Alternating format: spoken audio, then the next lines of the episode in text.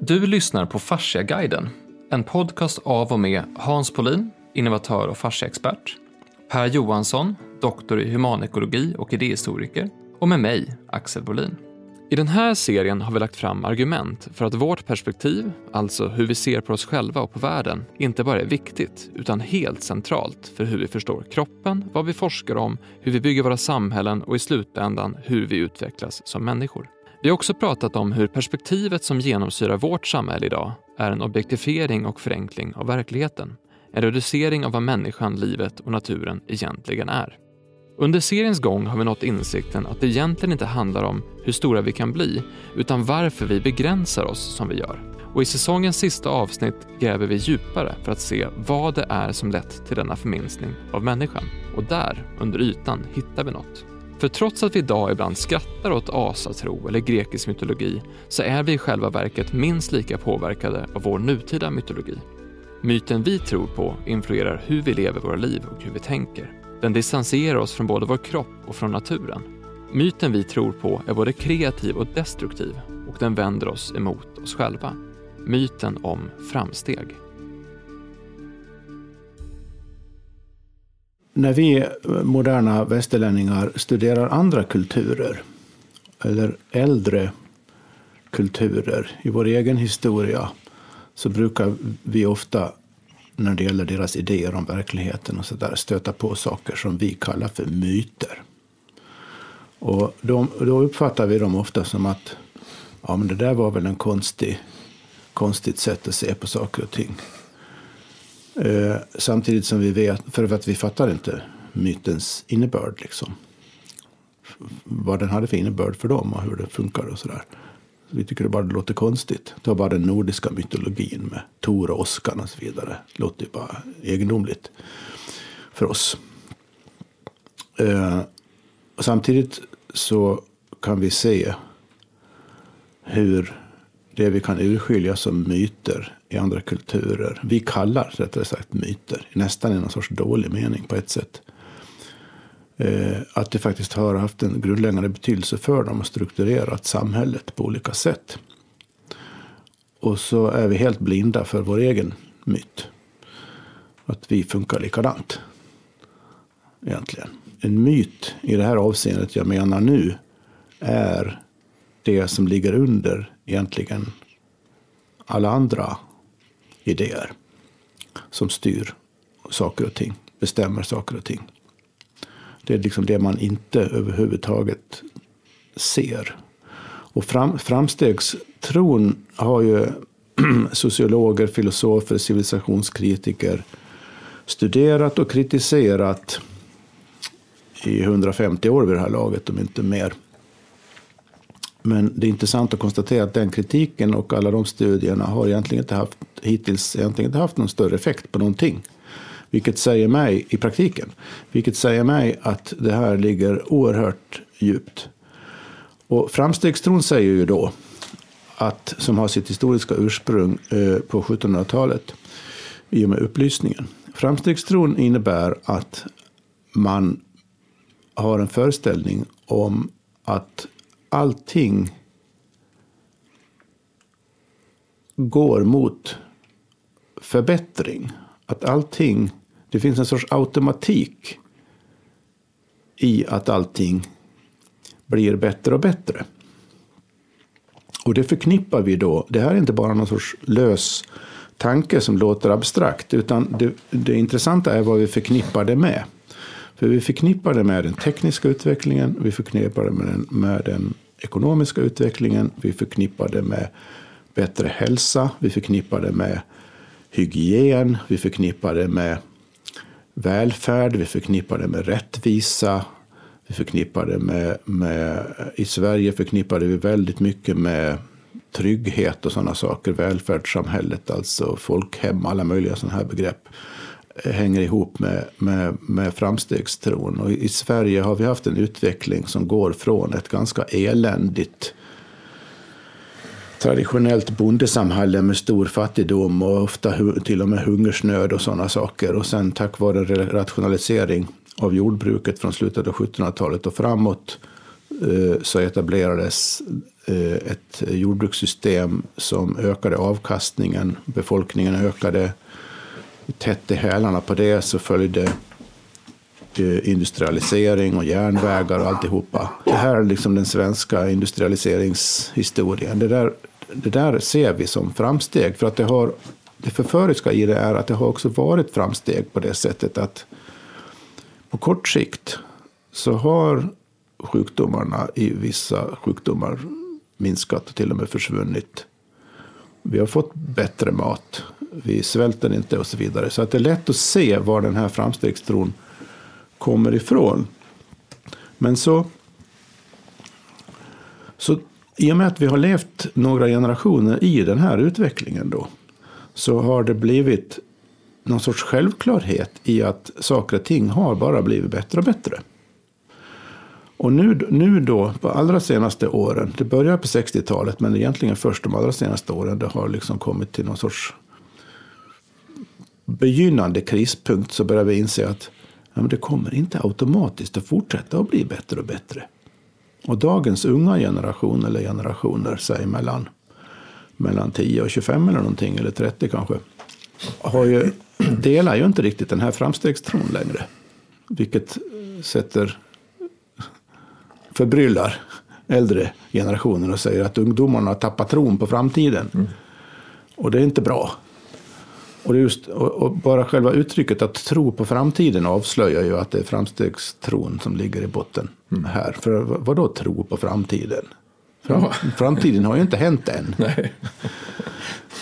Ja, men sen finns det en kritiken mot det här nu då fram, framsteget, tillväxten och så vidare. Tillväxt är också en sån här framstegstro-grej.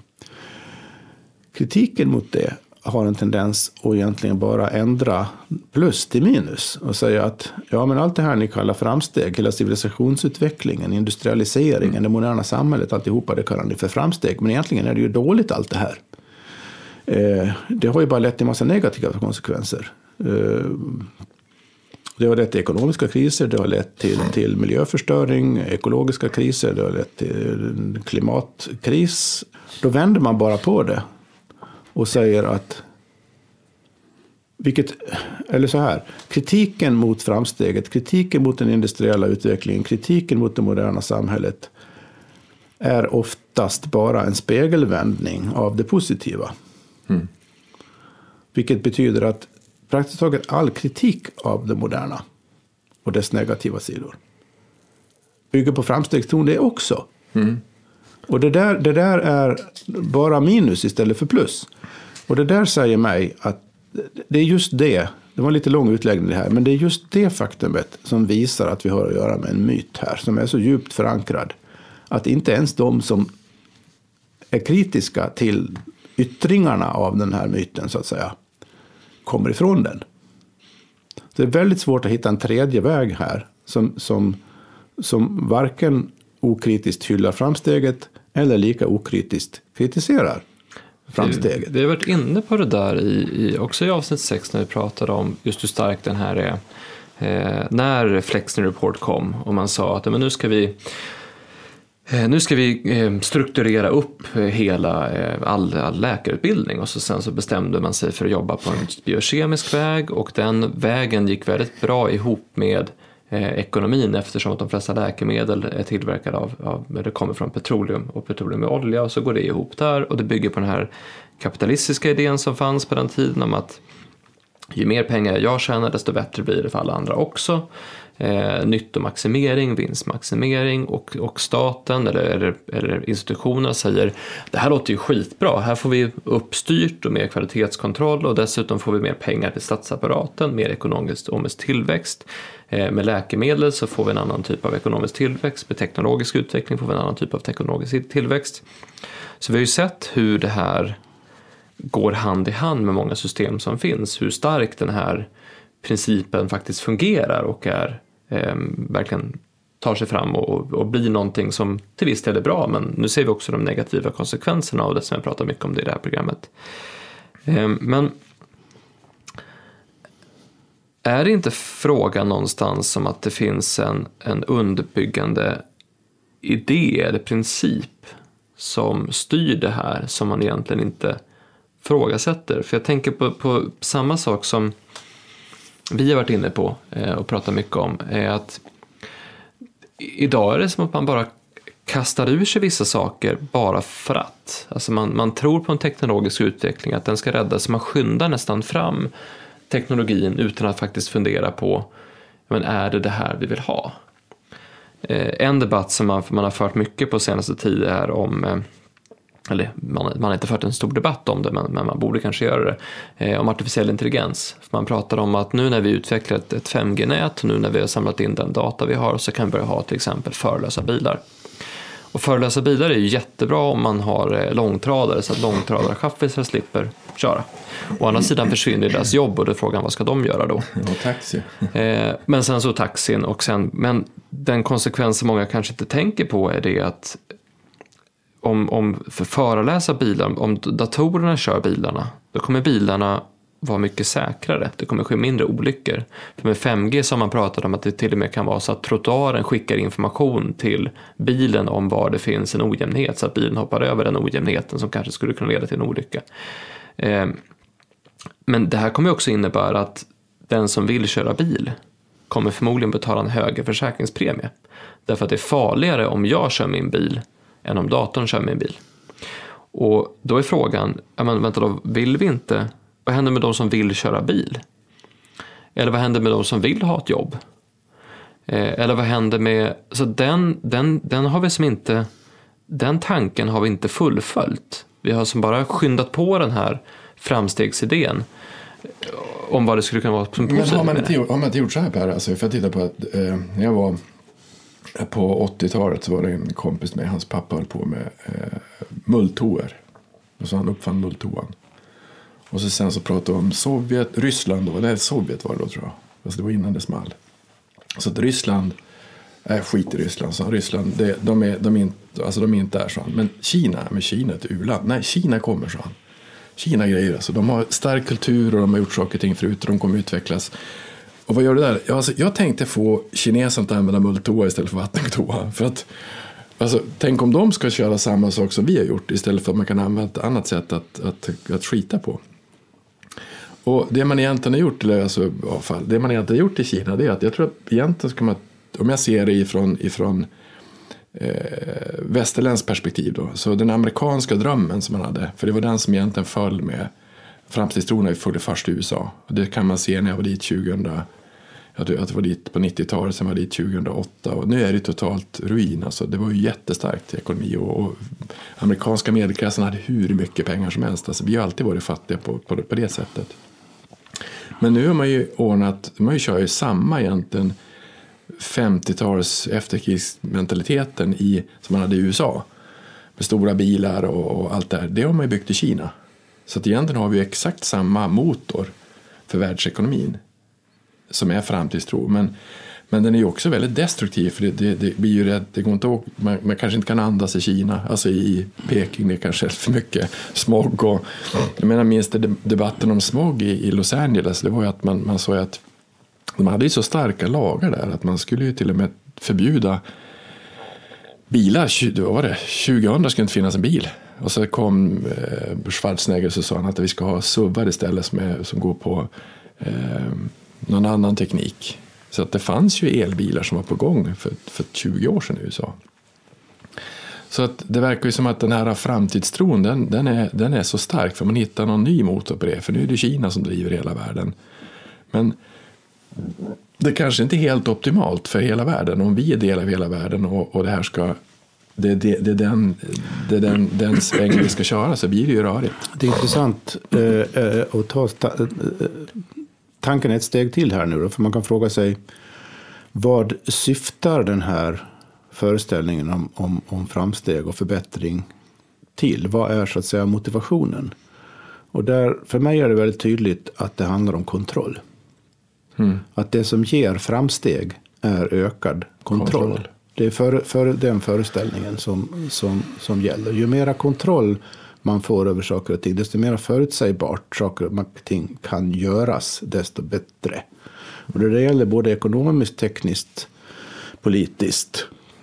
eh, ekonomiskt så eh, de, kapitalismen bygger ju på att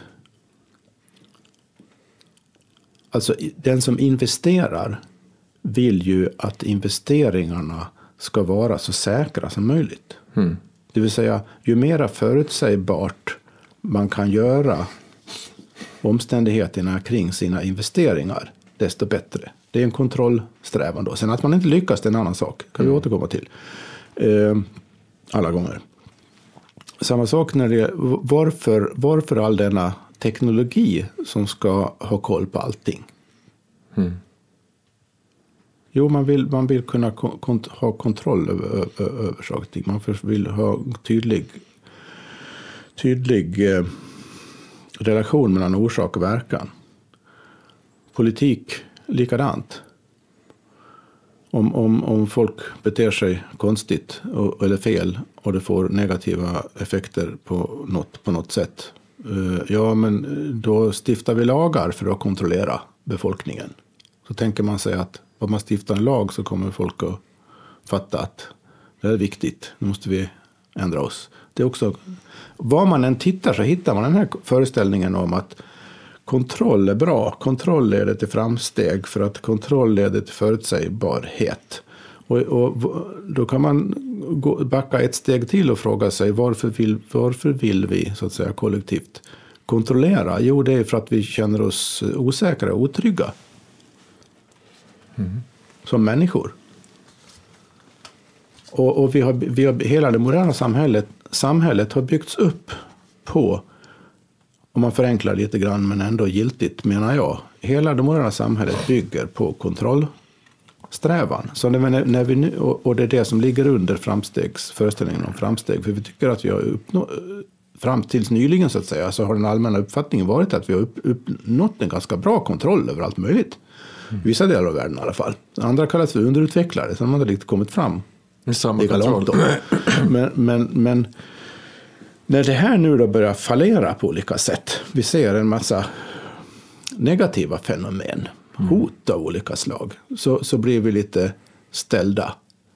Hur, hur kan det vara, vara så här? Och så istället för att då tänka, ja men det kanske är något fel med hela den här motivationen att kontrollera allting så mycket som möjligt. Mm. Kanske skulle ge upp, ge, ge upp den här kontrollsträvan och försöka hitta en annan attityd istället. Mm. Hände, det, det, det, och då, då, när de här sidorna konfronteras med varandra, å ena sidan strävan efter kontroll, å andra sidan konstaterandet att det verkar inte som den här kontrollsträvan ger de resultat vi vill ha. Det blir en massa negativa konsekvenser. Mm. Då ger vi inte upp framstegstron i alla fall, utan vi blir deprimerade. Mm för att framtiden plötsligt ser mörk ut. Den skulle ju se ljus ut. Vad är det här nu då? Mm. Ja, det, det, är alltså, det, det, det är det som är... Så framstegstron har i och för sig på sätt och vis dött, börjat dö. För att vi, vi ser att det håll, den håller inte vad den lovar. Det håller liksom inte riktigt, riktigt måttet. Men vi har jättesvårt att överge den.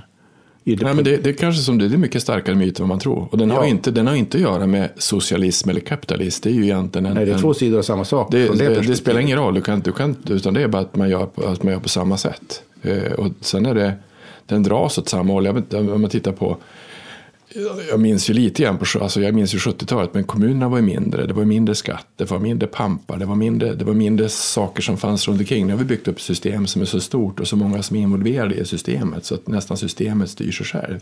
Och det blir ju, eh, när man tittar på, på vad det drabbar oss som människor så det kanske inte är helt okej okay att, att en miljon människor i Sverige käkar piller för att inte känna.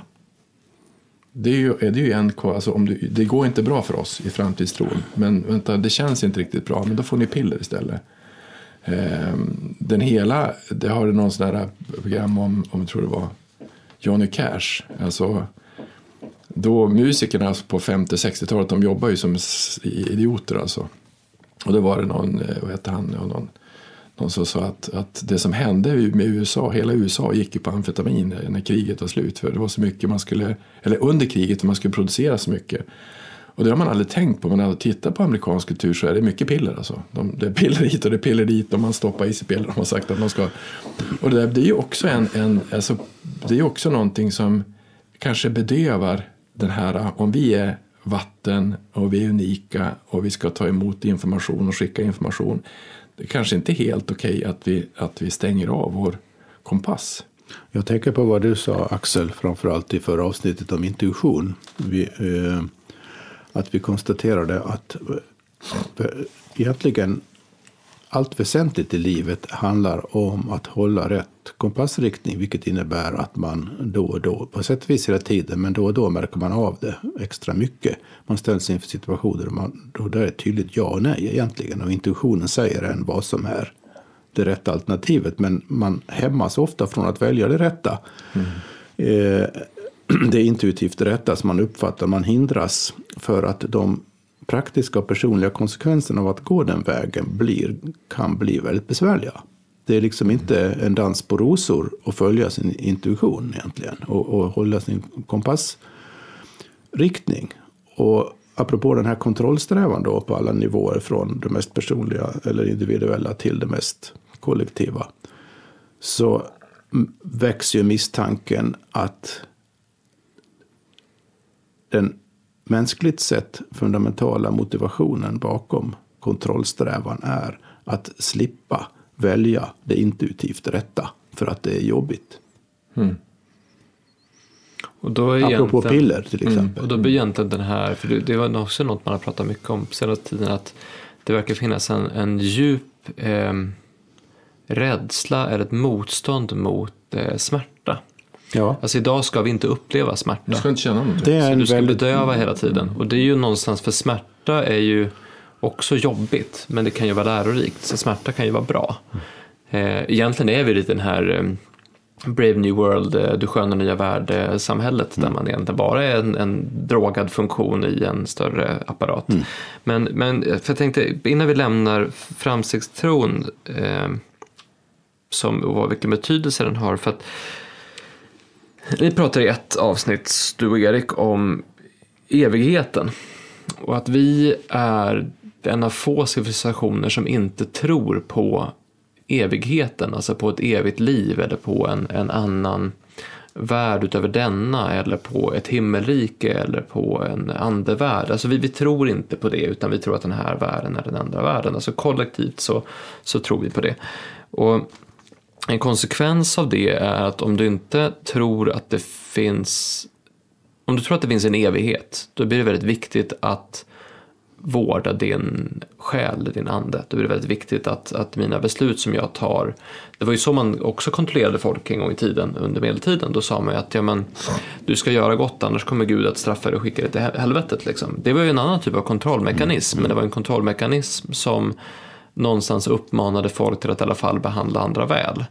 Och på samma sätt så fanns ju en evighet i tanken om naturen, att, att naturen eh, ska leva kvar här långt efter oss. Så du hade ju inte samma exploatering av naturen på, eh, alltså under tidigare civilisationer i den stora skala som vi har nu.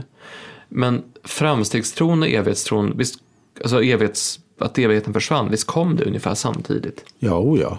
Vad som hände skulle man kunna säga är att evig, det är inte så att vi moderna människor har tappat evighetssträvan eller evighetsperspektivet egentligen. Vi har, vi har, vad, vi har, vad vi har gjort är att vi har djup, man skulle kunna säga så här, att vi har gett upp den reella evigheten, det vill säga den, den faktiska icke-materiella dimensionen av tillvaron. Även om vi, om vi sa i förra avsnittet att allt är fysiskt så betyder inte det att, att, att allting är materiellt, det vill säga påtagligt synligt här och, eh, för, eh, i, i, i, tiden så att säga. Eh, utan, utan det finns en dimension som är tidlös där avstånd och tid inte spelar någon roll. Den så att säga reella evigheten, den, man, den som om man analyserar lite djupare filosofiskt finner i de äldre traditionerna även i kristendomen. Eh, såklart. Eh, sen vad som har hänt med evigheten i det moderna i relation till framstegstro, det är att den har, den har så att säga placerats i framtiden. Materialistisk, jag ser framtiden Så, komma. så vi fortfarande strävar efter, den här, efter att på något sätt ha en relation till evigheten. Det är bara det att vi, vi har ta, totalt tappat förmågan att ha en relation till evigheten När vi lever. här, när vi lever. Utan evigheten är någonting som hela tiden strävar efter att uppnå sen. Och det är det tron på framtiden betyder. Tron på framtiden betyder att man tänker sig att någon gång i framtiden står för föreställningen att en gång ska allting bli bra. Just det, det fixar sig. Det fixar sig med framtidstron så fixar det sig. Och det är därför vi tycker det är så allvarligt när ungdomar slutar tro på framtiden. För Och då då, faller för då, då faller grundmyten. Och då vet vi inte vad vi ska säga, säga till dem.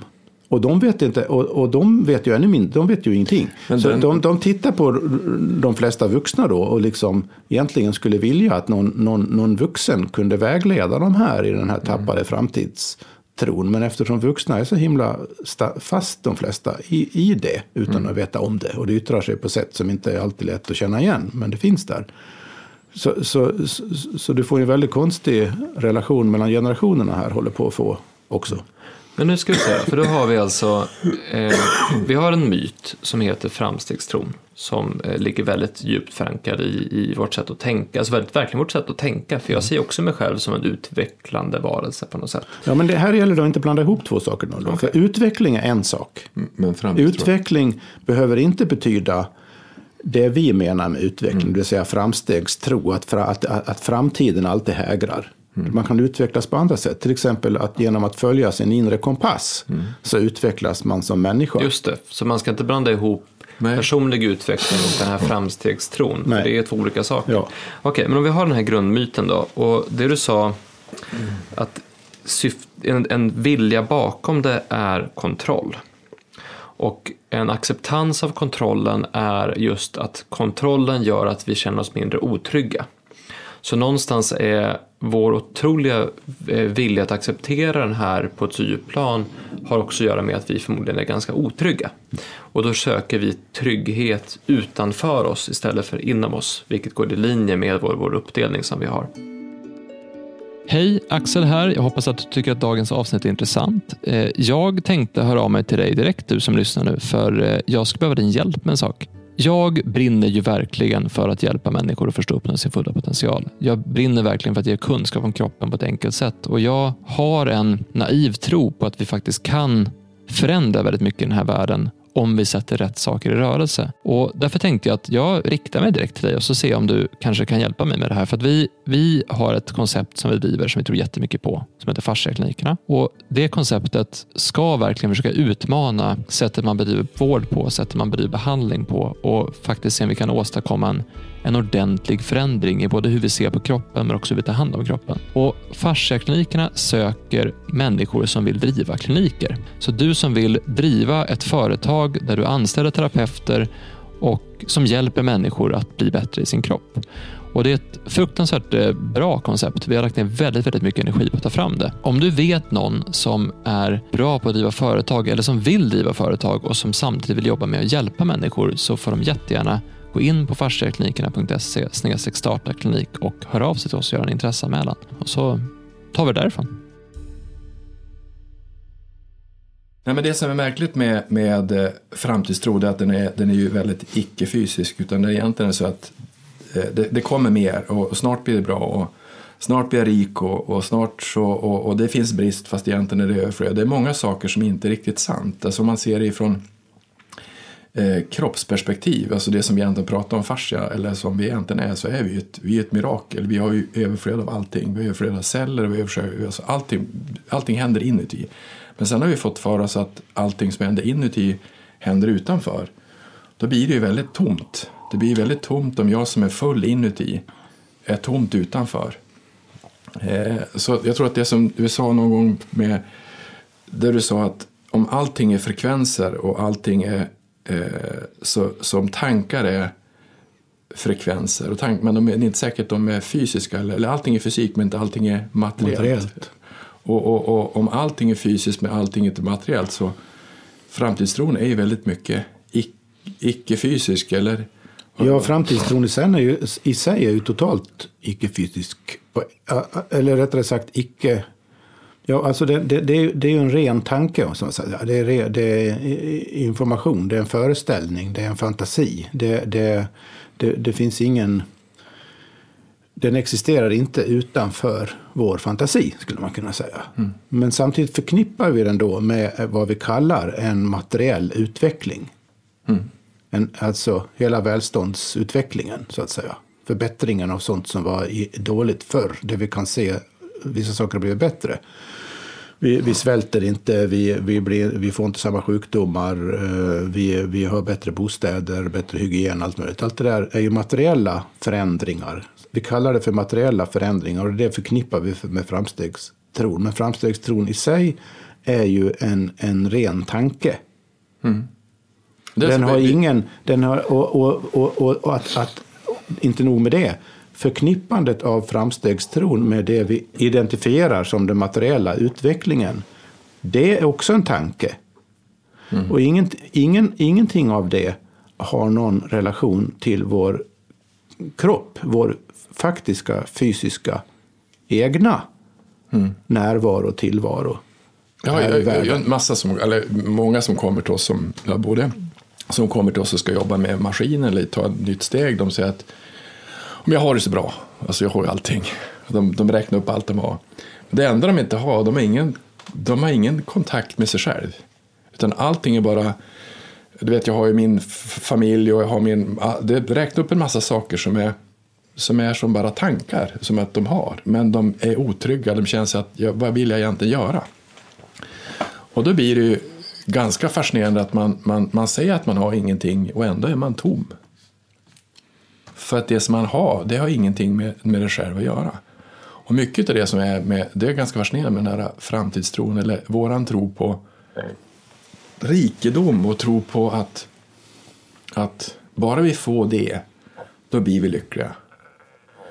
Och lycka har egentligen ingenting att göra med utanför. Det kan du inte ha. Utan lyckan är någonting som jag får inuti. Det har ingenting med någonting att göra. Men hur kan, och då, när man då tittar på eh, jag skulle gärna bli kändis eller jag skulle gärna bli eh, populär eller jag skulle gärna bli en extremt förmögen. Det man kan vara, och det vet nog de flesta om också. De flesta som är väldigt kända är väldigt ensamma. Alltså de är väldigt, alltså, alltså rikedom är det här med att bli stort, det, det har inte säkert att det är lycka samtidigt. Men det är ändå det som alla strävar efter. Så om jag, kan om jag vann 12 miljoner på Lotto eller något annat som finns, då blir jag lycklig. Så att det är lite fascinerande med allting som har kommit, som kommer att det här är så otroligt viktigt för mig att få den här, att ho- och haka med på det där. Fast å andra sidan finns det en trend som säger att man kanske när man, när man har varit upp i en, i en uppgång och nedgång och så man säger hur mycket behöver jag egentligen för att vara lycklig? Alltså vad, vad är det som jag inte behöver? Då kommer man fram till att jag behöver nästan ingenting. Alltså det Gandhi gjorde egentligen, han, han monterade väl ner allting. Alltså att jag måste först sy mina egna kläder. När jag kan sy mina egna kläder så är jag inte beroende av någon. Då kan jag kanske börja uttala mig om vad jag egentligen tror. Eller som en historia som var, det var han, han kom en, han var ju otroligt känd för att vara otroligt vis. Och det kom en kvinna till honom och sa du min son han, han eh, äter för mycket socker, kan du säga åt honom att äta mindre socker? Kom tillbaka nästa vecka, sa han. Så kom jag tillbaka nästa vecka. Du ska inte äta socker, sa han. För då åt han ju socker till dess själv. Så han, han kunde inte säga åt någon att, att det inte är bra att äta socker förrän han, han inte provat att han gör det själv. Så mycket av det vi egentligen gör, det måste vi ju titta ifrån egen horisont och uppleva och se vad är sant för mig, vad ska jag göra? Och då blir det ju lurigt att om du tittar på, då är vi tillbaka det här med snökorn och vatten och det vi är, så då är vi ju extremt unika. Alltså det, är det någonting som är inte sant så är det kollektivism. Är det någonting som är inte sant så är det framtidstro. Därför att framtidstro, det är ju egentligen, om, jag säger, om, du säger, om du säger vad du säger, så är det ju ett sätt att ta bort den egna tron, utan det är en, en E4. Att vi kör, eller någon stor motorväg, att vi gör samma sak. Alla gör samma Ja, det sak. blir inte kompassen. Nej, nej, nej, nej, nej, nej, utan det är, och jag, jag tror att det var som jag sa, alltså, som när jag var i kyrkan när jag var liten, då sa man att du måste gå den smala vägen. Och den smala vägen, det är inte säkert att de gick det som satt i kyrkan heller. För de var ute och körde E4 de också. E- E4, det, det är ju framtidstro. Det är, ja, det är ju samma kollektiva väg som alla gör, utan egentligen ska vi nog gå någon egen stig.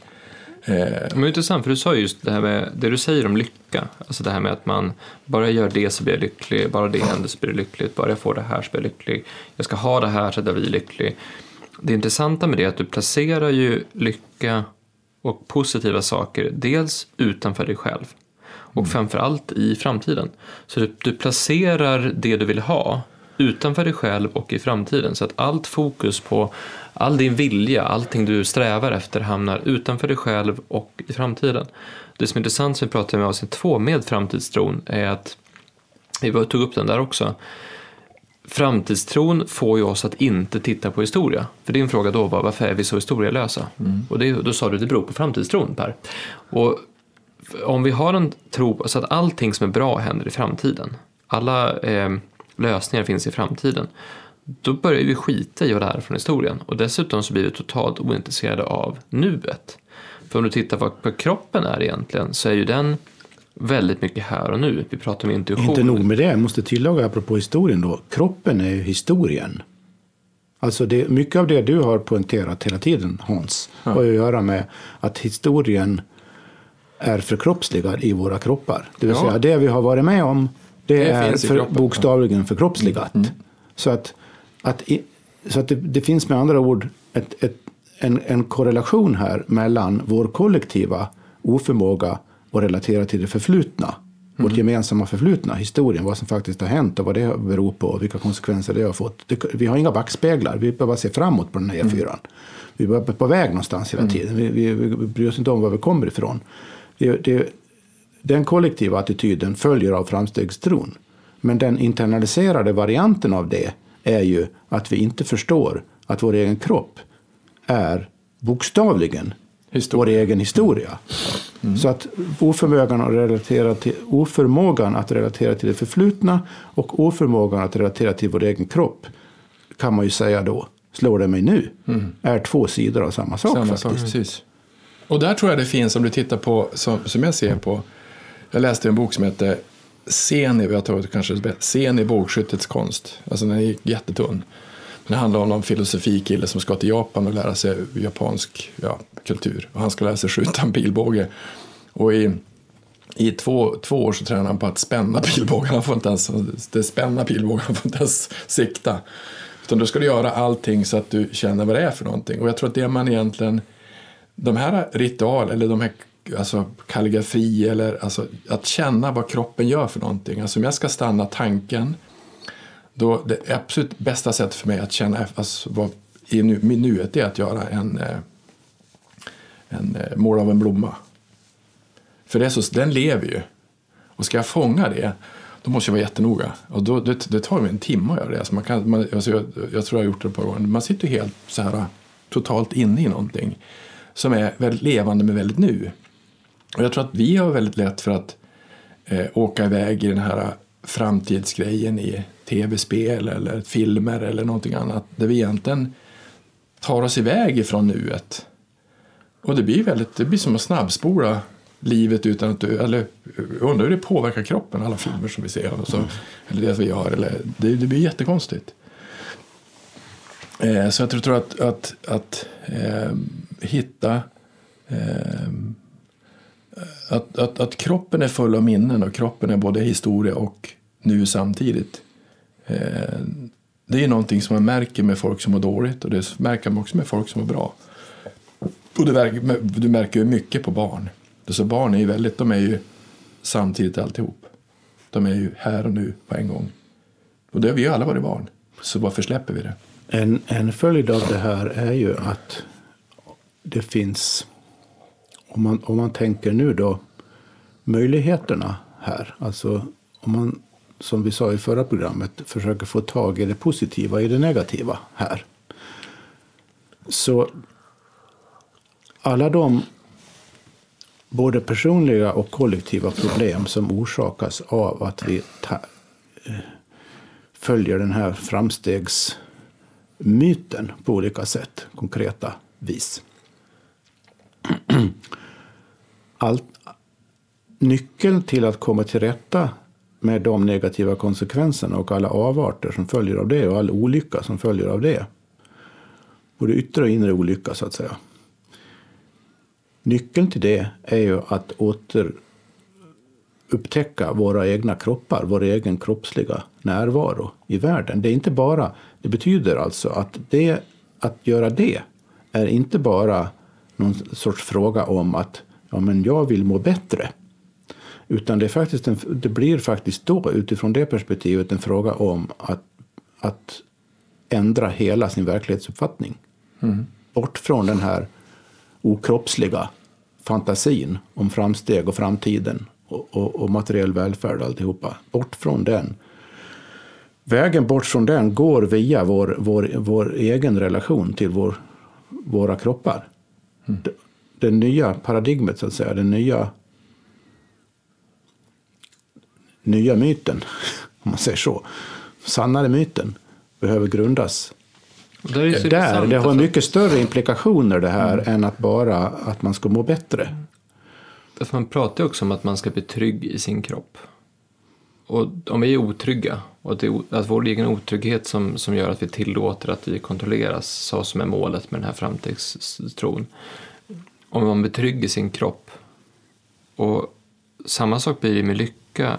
Eh, jag tror att de flesta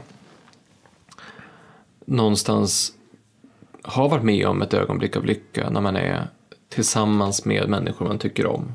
Eh, man skrattar, man pratar, man äter mat, man kanske leker en lek. Det är ju otroligt, de, oftast är de lyckligaste ögonblicken som folk beskriver väldigt här och nu. Och enkla. Och enkla och väldigt mm. fysiska. Så att lycka kanske är något man ska försöka hitta i, i det lilla istället för i det stora. Um, jag tror att det är lite tillbaka till det vi pratade om tidigare, att egentligen är det ganska enkelt. Det är ja. det som gör det så svårt. Ja. Men samtidigt är det ju så svårt att vi har suttit nu här i, i sju och ett halvt eh, podcastavsnitt och ska någonstans börja knyta, knyta ihop den här första säsongen eller serien avsnitt som vi har hållit på med. Och det har ju varit en lång eh, resa från historiesyn och perspektiv och framtidstro nu på slutet och fascia och forskning och pussel och allt vad det är. Men jag tänkte vi skulle bara runda av genom att eh, jag ska fråga er, Vi börjar med dig Per. Vad, vad har slagit dig eller vad har du för intryck eller vad, vad är det som med den här poddserien som du, vad är den stora behållningen för dig? Den, den stora behållningen för mig är att ha haft och har den här eh, kontakten med er och höra era erfarenheter, kunskaper, reflektioner utifrån allt ni har kommit på i relation till fascia. Och inte bara det, utan överhuvudtaget er, er, er liksom intuitiva sätt och, och försöka få saker att gå ihop. Det är otroligt inspirerande för mig för att det är som om ni, ni har gått en parallell väg med mig från annorlunda utgångspunkter än jag men ändå så otroligt starkt och i, i, i vissa bestämda avseenden mycket starkare än jag själv landat i en förståelse som, som, som jag tror är på väg mot någonting som är väldigt sant. För att det är den förståelse jag själv varit på väg mot. Och det, har varit, det är just det här att landa i, i kroppen och att det att alla, alla, alla föreställningar om problem och svårigheter och världens problem och mina problem och förstå saker och ting i världen, vad, förstå tankens värld, förstå känslornas värld, förstå hur allting hänger ihop. Alltihop sammanfattas totalt konkret och erfarenhetsmässigt och man kan förnimma det sammanfattas i det som relaterar till våra egna kroppar.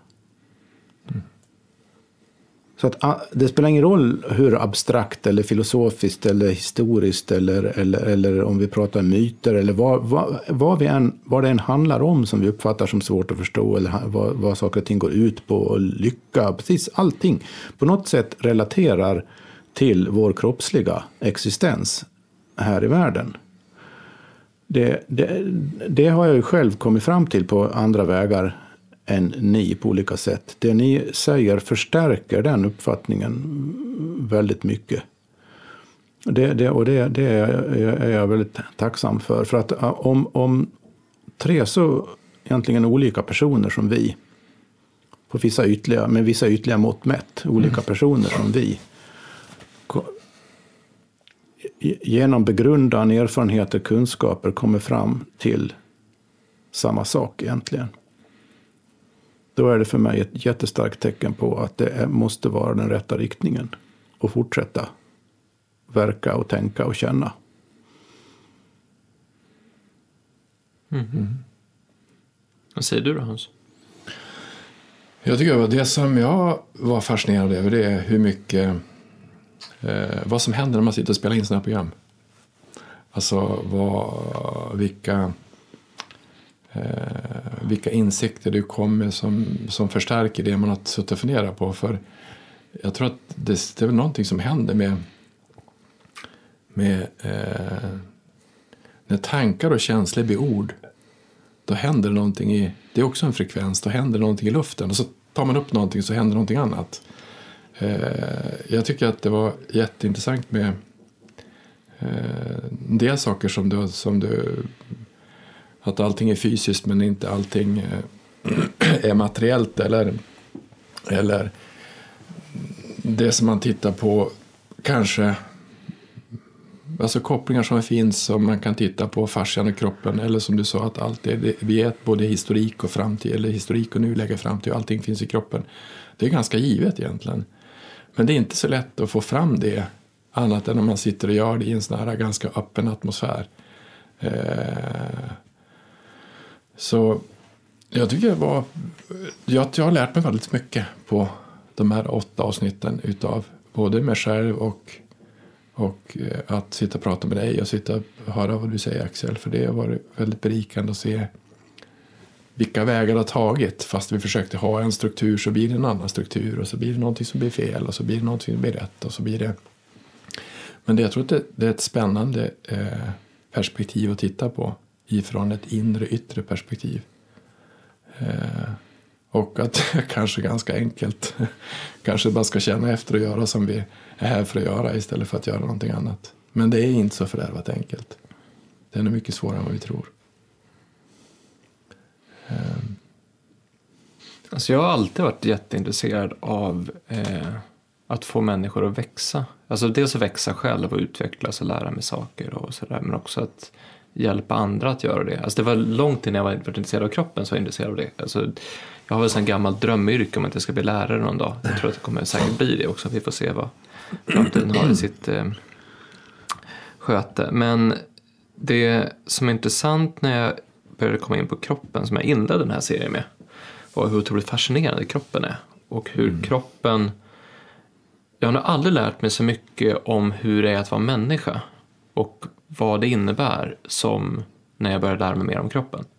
Det har ökat min förståelse för, för världen, det har ökat min förståelse för andra människor och för, för tillstånd och tankar och allt, allt det som jag pratat om egentligen.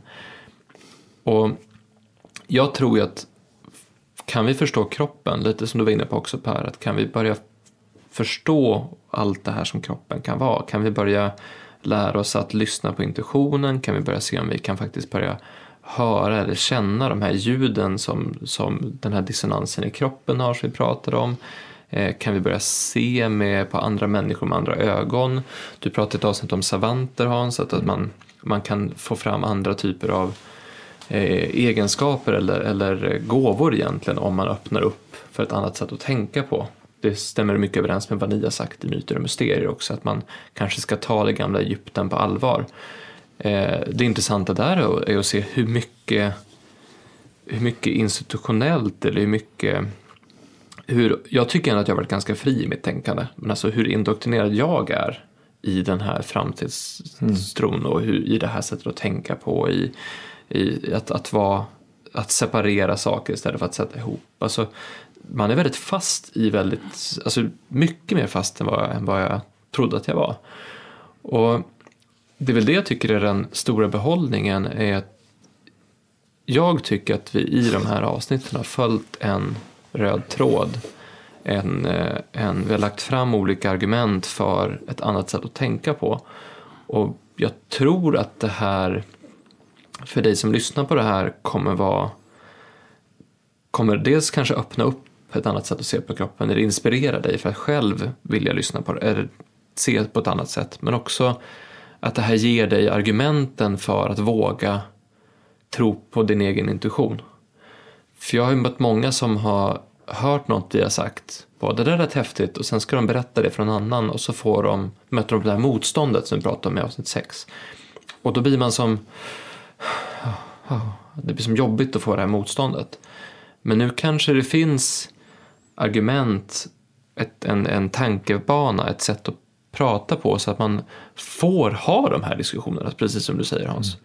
För att när vi sitter och pratar öppet, då kan vi faktiskt komma på saker. När vi får, när vi får spekulera, då hittar vi nya svar på gamla problem. Mm.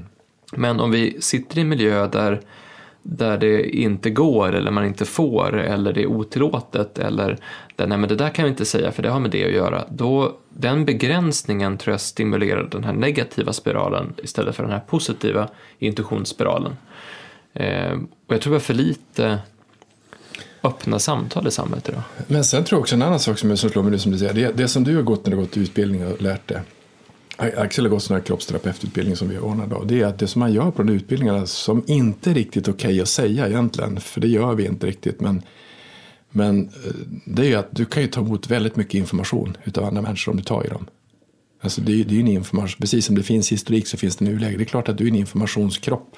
Det är ganska givet. Men varför har vi sagt att det inte är så?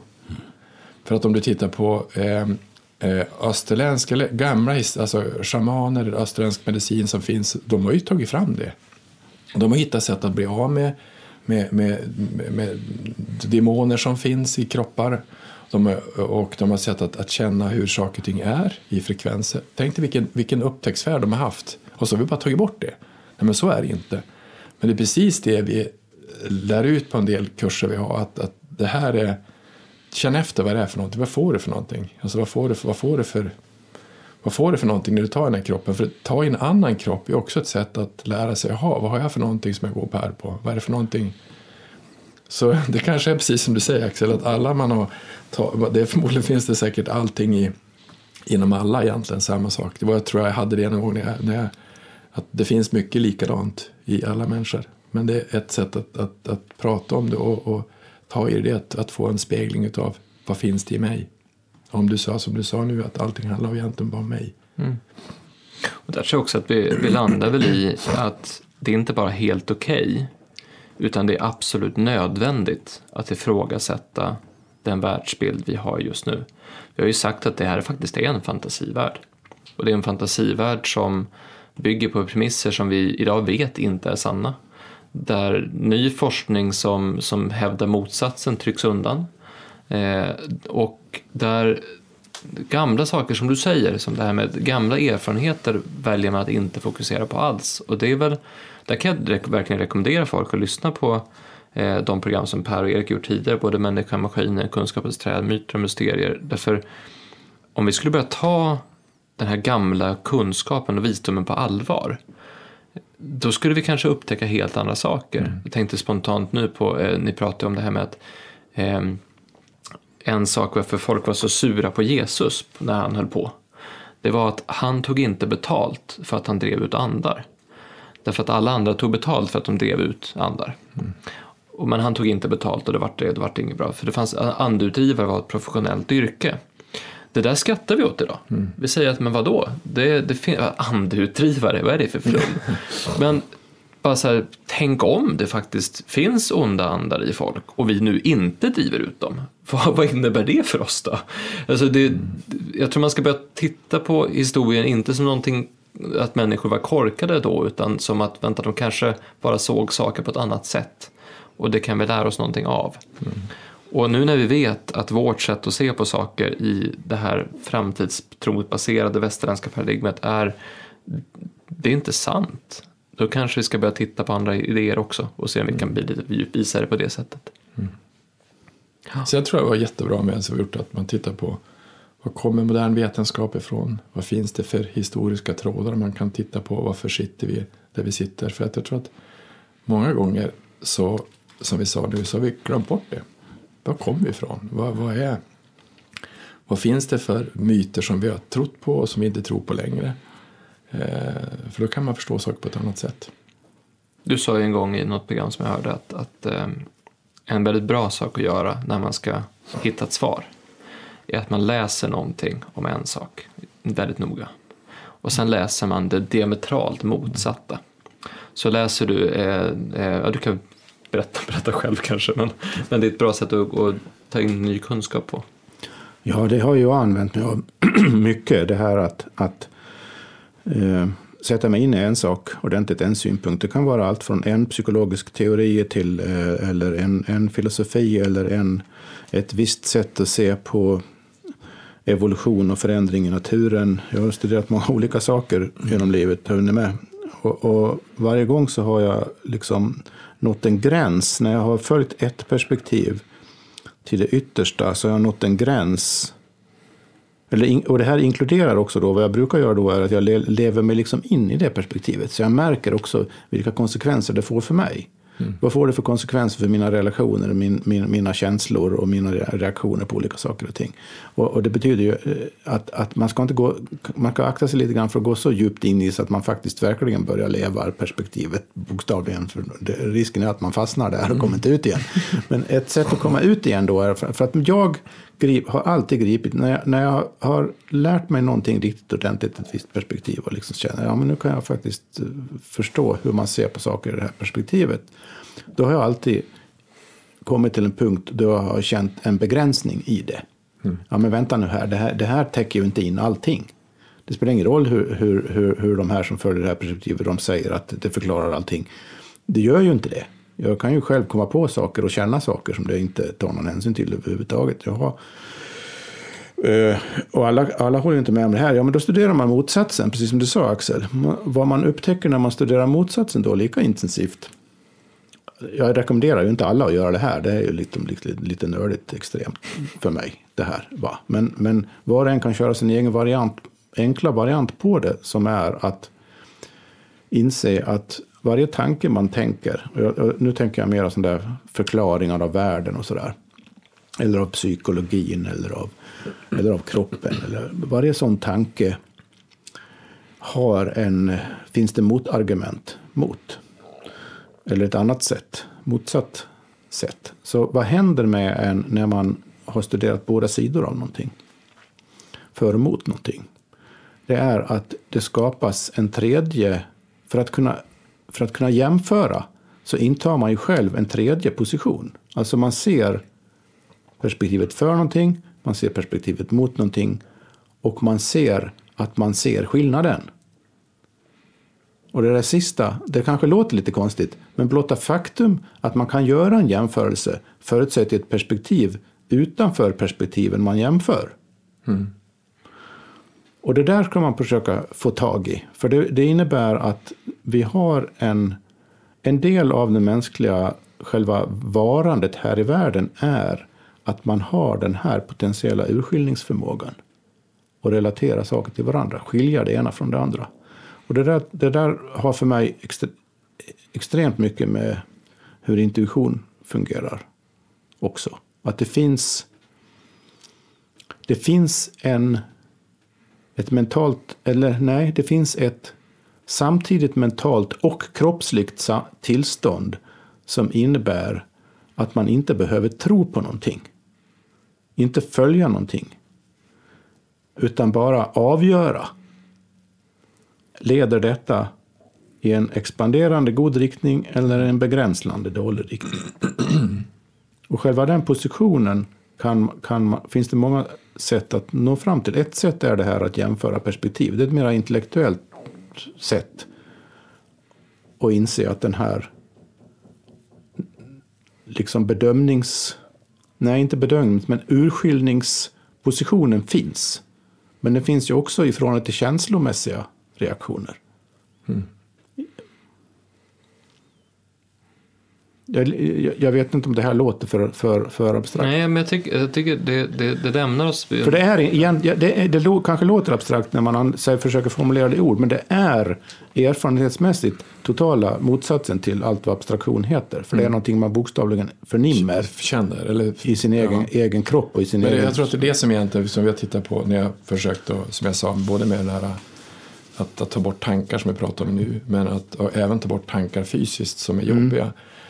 Det enklaste sättet att ta bort tankar fysiskt är att inte, alltså om det finns så, vad är större, alltså vad blir, vad sa du, det skapar antingen ett motstånd eller något annat. Men om du tar det som en Ja, antingen känner att du, att du så att säga känner dig upphöjd, att eh, livet vidgas, känns rikare, eller också känner du att det begränsas och känns trä, trängre och, och, och, och Men om vi, om vi tar ett trauma som du var med om. Vi säger Ja. att, alltså någon, vi säger att det har en kvinna som kommit med. Det har ju flera stycken som kommit med. De har fått barn på fel sätt. För att de har fått barn med kejsarsnitt. Då har de en, då har de en, då har de ett trauma. att Det varit, en del tycker det. Men det är inget, men då, så att, då kan jag säga så, men det, det, det heter ju kejsarsnitt. Det är inte alla som får föda så. Eh, så för 100 år sedan, 300 år sedan så var det ju fint att föda så. Men då kan du tycka att det är fel. Och då är hela förlossningen ett stort trauma. Alltså allting är bara ett mörkt. Alltså så. Och, det, och det kan vara hela kroppen är konstig. Därför att det där är konstigt. Och då sa jag, men är inte det ganska jobbigt? Jo, jo, men varför ska du hålla på med det? Kan du inte, var det inte trevligt att få barn? Men då kan själva barnet vara trauma. Men älskar inte du ditt barn? Jo. Hur mycket då? Ja, så här. Då kan de hitta någon annan känsla, men så kan du släppa det där med förlossningen, för det kom ju ut. Alltså förlossningen är bara menat att det ska komma ut och att det ska gå bra, att ni ska tycka om varandra. Gör inte ni det då? Jo, men kan du inte släppa den, den känslan som är mindre och skicka in den stora istället? Och då släpper ju hela kroppen. Då blir det som bara, åh vad skönt.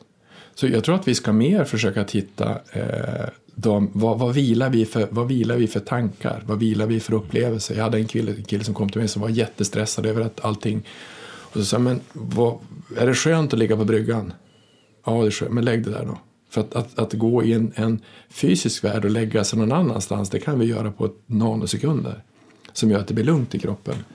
Så att, att hitta det som är lugnt och hitta det som är eh, energi och glädje i.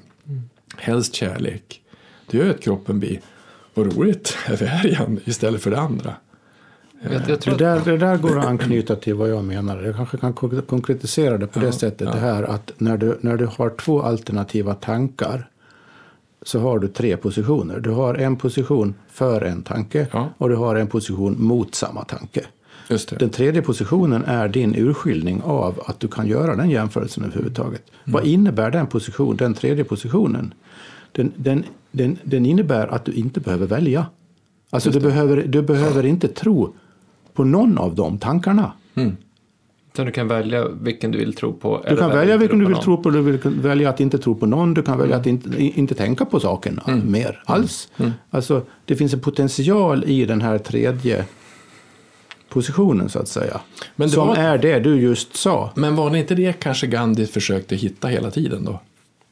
Det, ja, Ja, för då kan du ju titta på någonting från ett, ett annat perspektiv och inte blanda in för mycket. Du kan se på saker, jag ska inte säga objektivt, för att objektivitet inte finns på det sättet, men, men, men du kan titta på det från ett annat håll. Eh, och där är ju en sak som jag fick lära mig, som jag tänkte kan vara bra att avsluta med. Eh, för nu, nu har vi pratat jättemycket om olika saker och de som har lyssnat på det här har hört jättemycket. Eh, ett tips är att man kan lyssna, på samma, alltså lyssna om på avsnitten. Det har jag gjort på alla, alla era avsnitt. Per och Eriks avsnitt har jag lyssnat på två eller tre gånger bara för att liksom, för man lär sig alltid något nytt. Alla farsiga dokumentärer har jag sett tre eller fyra eller fem eller sex gånger för att varje gång väcka ny insikt. Eh, men en sak som jag tror är viktig Eh, att, och dels att jag säger men också att man tänker på är att det är jätteviktigt att ifrågasätta allting. Och inte, alltså ifrågasätt allting vi har sagt. Men ifrågasätt också allting alla andra säger. Ifrågasätt alltid allting så att du själv kan bilda en uppfattning om stämmer det här? Är det här jag? viktigt. Stämmer det här för mig? För att jag fick en, en eh, det har du pushat mycket för eh, Hans och även eh, fått andra, från andra håll också att ifrågasätt allting du tror på. För eh, du, det var någon som sa till mig att alltså 50% av det, det är 50% av det du tror på är lögner. Därför de kommer från dina föräldrar och de har också fått lögner. Så vi, vi för vidare vissa tankar som är konstiga via vår kultur och vår uppfostran. Medan 50% är säkert skitbra. Men för att jag ska veta vad jag har fått med mig som är skit och vad jag fått med mig som är bra så måste jag ifrågasätta mina egna tankar och mina egna förhållningssätt. Mm. Så mitt sätt att se på världen, mitt sätt att se på allt ifrån eh, eh hur man diskar eller städar till hur, pengar, eh, hur jag använder pengar i min egen ekonomi eller vad jag ska jobba med eller vad jag tror på. Tror jag på Gud? Är jag ateist? Är jag, eh, tror jag på Socialdemokraterna eller är jag kristdemokrat eller är jag moderat? Allt sånt där kommer ju oftast från någonting. En, du föds ju oftast inte med en, en du föds ju oftast inte som Arsenal-supporter liksom, eller Djurgårdssupporter. Det är någonting du tar in på något sätt. Du föds ju inte som socialdemokrat, det är någonting som du får någonstans på vägen. Du föds ju inte med en, ett brinnande intresse för, för eh, ekonomi, utan det är någonting du får på vägen. Så att, vad, när, när fick vi det här och vad har det inneburit för oss? För börjar du ifrågasätta dina egna tankar så kan du hitta en annan balans i din kropp. För oftast är det ju de här tankarna som har fastnat någonstans. Att du mm. kör på ett spår som inte är ditt. Då hittar du inte din kompass. Så ifrågasätt gärna allt ni har hört. Eh, och eh, så får vi se vad, vad det här landar någonstans. Mm.